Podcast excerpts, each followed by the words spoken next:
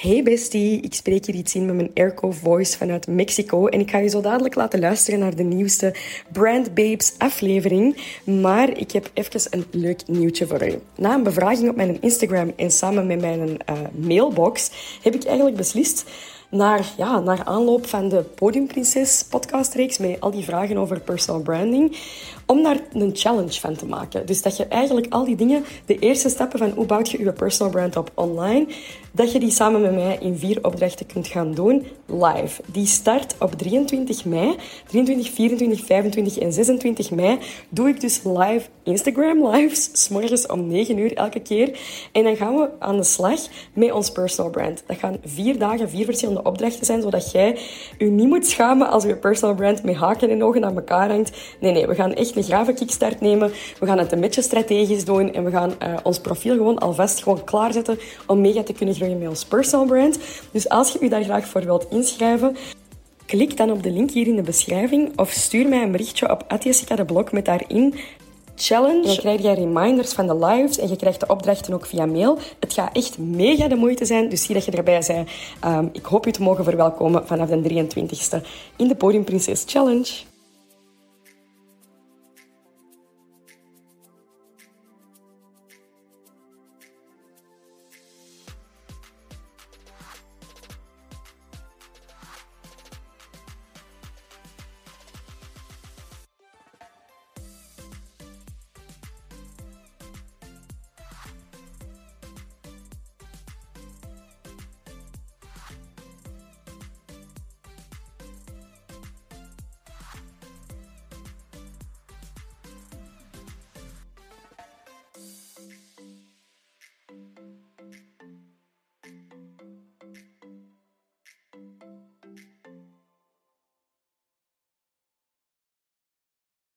Naar aanleiding van de Barbie-launch van de Barbie-film um, had ik op mijn uh, Instagram een spelletje gespeeld. Namelijk, ik had in de question box gevraagd dat als jij een Barbie zou zijn, een Barbiepop, en jij zou in een doos komen met twee items. Je kent dat wel, zo'n dokter Barbie die komt met een stethoscoop en zo'n dokterstasje, of de Barbie die dierenarts is, die komt met ook zo'n stethoscoop en een hond, in een hond, of ik weet al niet meer wat juist allemaal is.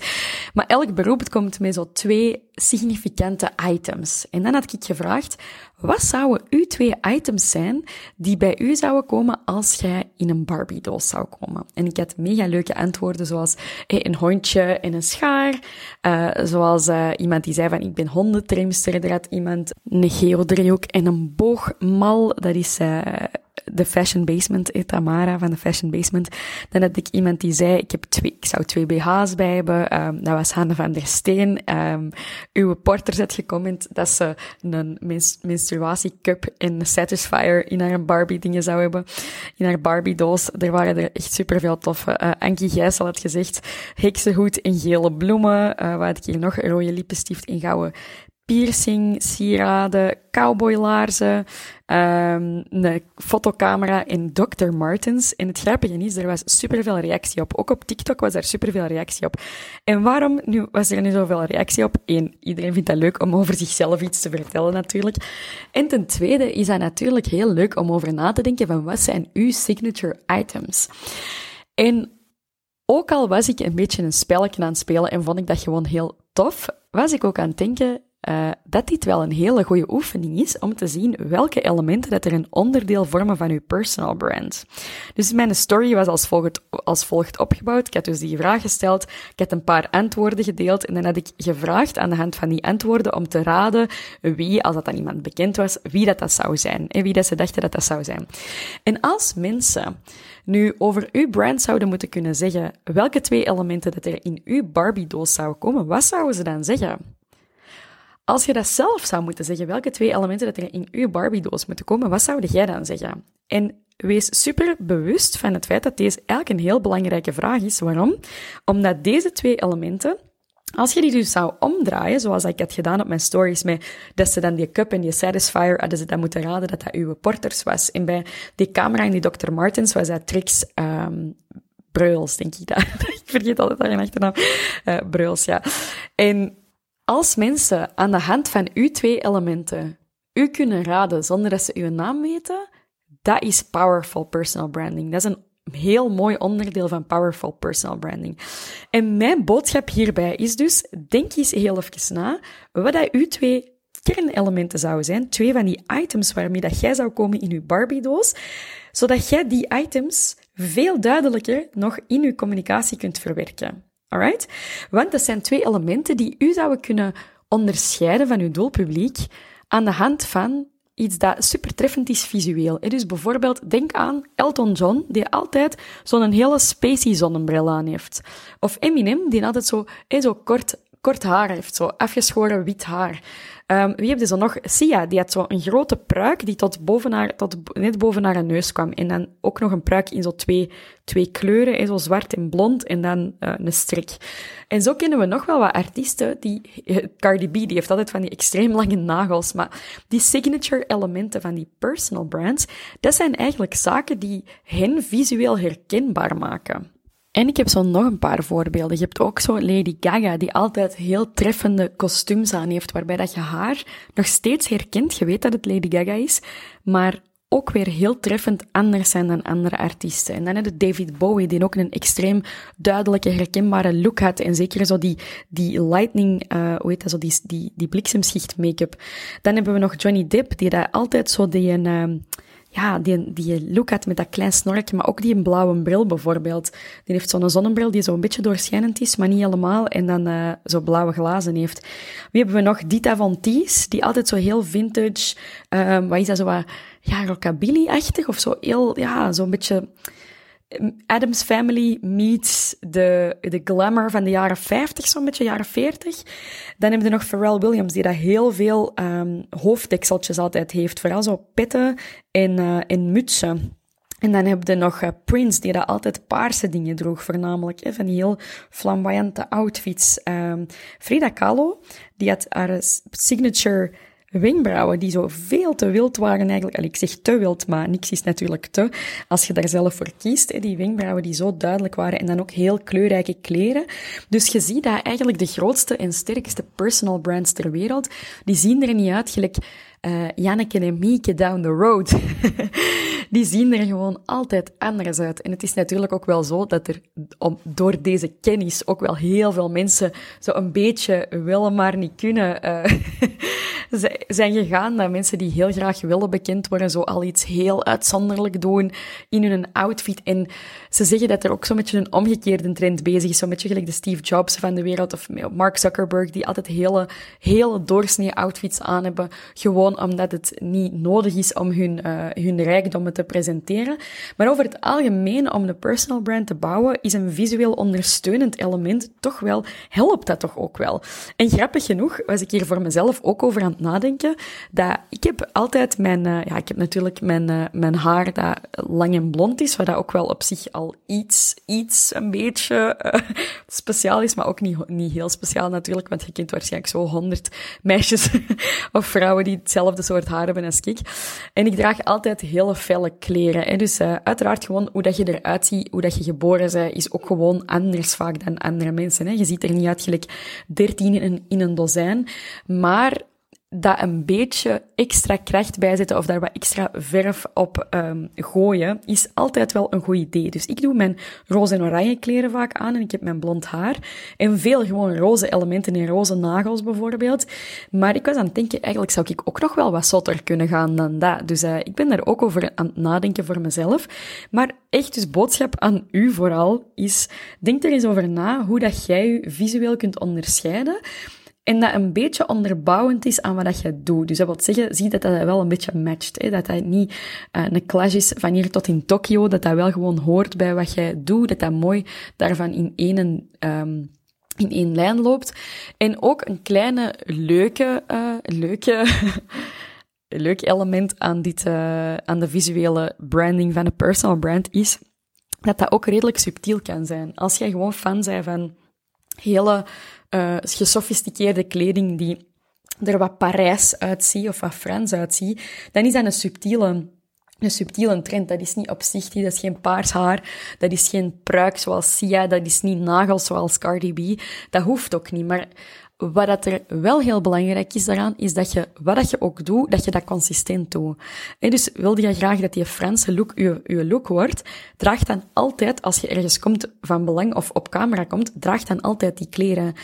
Gelijk, ik denk dat Veronique Leijzen van uh, Morissette vroeger, zo Maurice, de Maurice Koffiebars, die heeft zo'n hele Franse look. Die heeft zo die, uh, die curtain bangs, zo die, uh, dat vervroeken, dat zo heel, ja, nonchalant valt. Die haar valt heel nonchalant. Haar, um, die maakt make-up tutorials, die doet make-up tutorials online. En die zijn ook, die make-up is ook heel anders dan zo de glam make-up dat we gewoon zijn. Dat, dat voegt allemaal zo wat toe bij enhancing your natural beauty.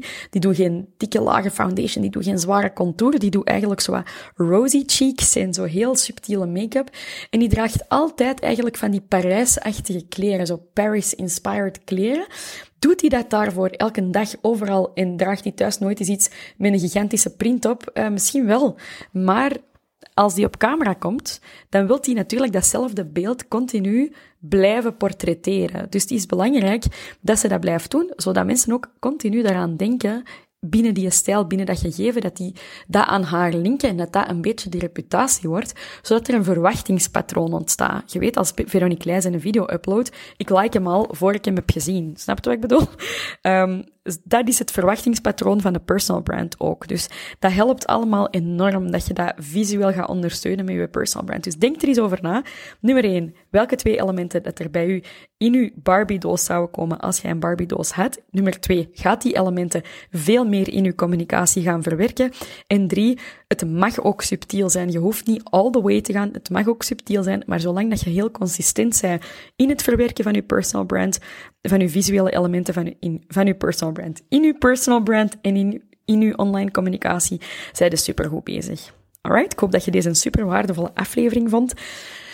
Ik wil u nog kort meedelen dat ik uh, binnenkort waarschijnlijk van start ga. Allee, waarschijnlijk, ik ben deze aflevering iets vroeger aan het opnemen, dus moet goed vooruit denken. Maar als ik deze op aflevering drop, ga ik binnenkort aan de slag met 15 mensen in een Founder-Fluencer Mentorship Program. Dat wil zeggen dat ik 15 mensen naar een mega um, winstgevende personal brand wil helpen aan de hand van de, de Founder-Fluencer formule die ik heb, um, ja, die ik heb ja, bedacht, al ontwikkeld.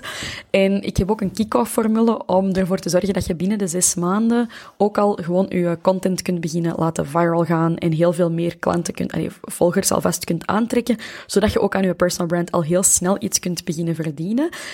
Er is hier superveel vraag naar geweest, naar mijn Founder-Influencer programma. Ik, ging dat, ik, weet, ik wist nog niet in welke manier dat ik dat, allez, op welke manier dat ik dat best kon, kon doorgeven aan andere mensen. Voornamelijk omdat ik hier echt very type A people voor nodig heb. Dat wil zeggen, als je u wilt inschrijven, of als, ik ga daar geen open inschrijvingen van maken, ik ga een, selectieprocedure inbouwen aan de hand van een vragenlijst en een formulier, zodanig dat we met 15 zitten, maximaal. Ik ben ook bereid om het met mindere mensen te doen, afhankelijk van um, de, de bezittingen en de interesse. Maar ik wil echt dat deze mensen zijn die echt het 100% gaan klaarspelen. En ik wil de kans zo groot mogelijk maken. Waarom? Omdat it's not easy. Het, is, uh, het heeft een formule, je kunt de formule volgen, maar je gaat echt echt hard moeten gaan. En je gaat bereid zijn, moeten zijn om heel veel naamsbekendheid te gaan accepteren. Um, dat wil zeggen dat je heel snel door het proces moet gaan van, oké, wil ik graag bekend worden? Ja. En als ik bekend ben, ga ik, kan ik daarmee om. En dat is iets dat niet voor iedereen weggelegd is. En ik zou ook liever hebben dat je daar eerlijk in bent tegen jezelf als je dat niet zou kunnen. Maar als je zoiets hebt van, ik wil, ik heb een brand, ik heb al een, service of een product en ik wil graag een super winstgevende personal brand, dan ga ik met u samen dat vormgeven. Um, concreet wat er allemaal in zit, dat kan ik nu nog niet helemaal vertellen, maar er zit onder andere een strategy session in, één op één met mij, zodat ik met uw personal brand kan gaan vormgeven, zodat je daarna, ja, echt uh, super, super winstgevend kunt gaan. En uiteraard gaan de andere mensen in de mastermind, alleen of de mentorship, gaan, uh, dat is een community, dat is een mini-community, maar dat zijn al, gaan allemaal echte raketten zijn. Ik noem het de tijd raketten, omdat dit is het type persoon dat ik in mijn gedachten heb. En die raketten, die gaan u ook mee naar het volgende niveau helpen, zoals dat ik dat ook ga kunnen doen. Dus wilt je dit graag doen, of zijt je hierin geïnteresseerd, uh, stuurt mij dan een berichtje op Jessica de Blog, op mijn persoonlijke account, en dan zal ik u de link naar het um, inschrijvingsformulier of naar het applicatieformulier doorsturen. Zodanig dat, jij, um, dat ik kan zien of je een fit bent of niet voor het uh, mentorship-programma. Wat je wel al kunt weten is, het gaat zes maanden zijn. En we gaan op zes maanden echt insane, insane results halen.